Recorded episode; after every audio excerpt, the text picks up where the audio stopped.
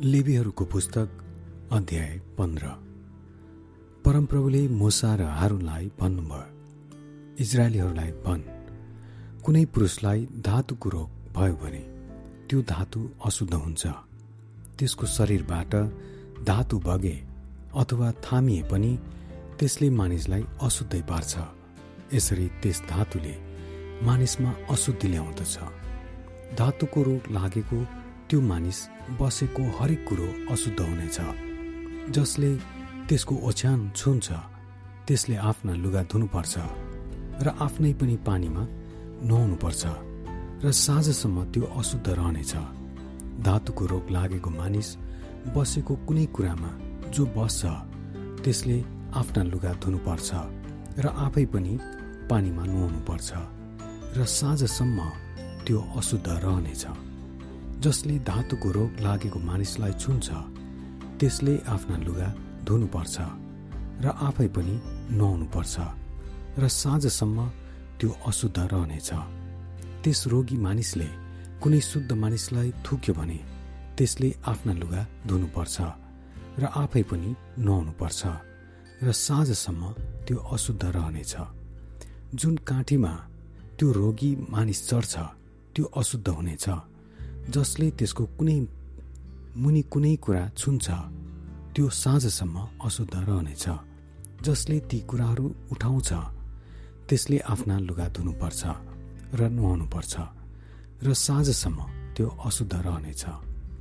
त्यस रोगी मानिसले आफ्ना हात पानीमा नपखालिकन कसैलाई छोयो भने त्यस व्यक्तिले आफ्ना लुगा धुनुपर्छ र पानीमा नुहाउनुपर्छ र साँझसम्म त्यो अशुद्ध रहनेछ त्यस रोगी मानिसले कुनै माटोको भाँडा छोयो भने त्यो फोरियोस् र काठको हरेक भाँडा पानीले माझियोस्। त्यो मानिस जब आफ्नो रोगबाट निको हुन्छ तब त्यसले आफ्नो शुद्धिको लागि सात दिन गनोस् र आफ्ना लुगा धोएर आफ्नो जिउ ताजा पानीले नुहाओस् अनि त्यो शुद्ध हुनेछ। आठौँ दिनमा त्यसले दुईवटा ढुकुर वा परेवाका दुईवटा बचेरा लिएर भेट हुने पालको ढोकामा परमप्रभुको सामु ल्याओस् र पुजारीलाई ती देओस्। तब पुजारीले तीमध्ये एउटा पाप बलि र अर्को होम बलिको लागि चढाउन्। यसरी पुजारीले परमप्रभुको सामुन्ने त्यसका धातुको रोगको निम्ति प्रायश्चित गर्नेछन्। फेरि कुनै पुरुषको प्रिय त्यसबाट त्यसै निस्क्यो भने त्यसले आफ्नो जम्मै जिउ नुहाउनुपर्छ र साँझसम्म त्यो अशुद्ध रहनेछ। जुन लुगा वा छालामा त्यो ब्रिय पर्ला त्यो मानिसले धोइयोस् र साँझसम्म अशुद्ध होस्। कुनै पुरुषले स्त्रीसँग सहवास गर्दा ब्रिय पर्यो भने ती दुवैले नुहाउनुपर्छ र साँझसम्म ती अशुद्ध रहनेछन्। कुनै स्त्रीको स्तन निस्कन लाग्यो र त्यो रजस्वला हो भने उनका रजस्वलाको अशुद्धि सात दिनसम्म रहन्छ। जसले उनलाई छुन्छ त्यो साँझसम्म अशुद्ध रहनेछ। त्यसको रजस्वलाका दिनसम्म जे जे कुरामा त्यो सुत्छे ती अशुद्ध हुनेछन्। अनि जे जे कुरामा त्यो बस्छे ती पनि अशुद्ध हुनेछन्। जसले त्यसको ओछ्यान छुन्छ त्यसले आफ्ना लुगा धुनुपर्छ र आफू पनि नुहाउनुपर्छ र साँझसम्म त्यो अशुद्ध रहनेछ।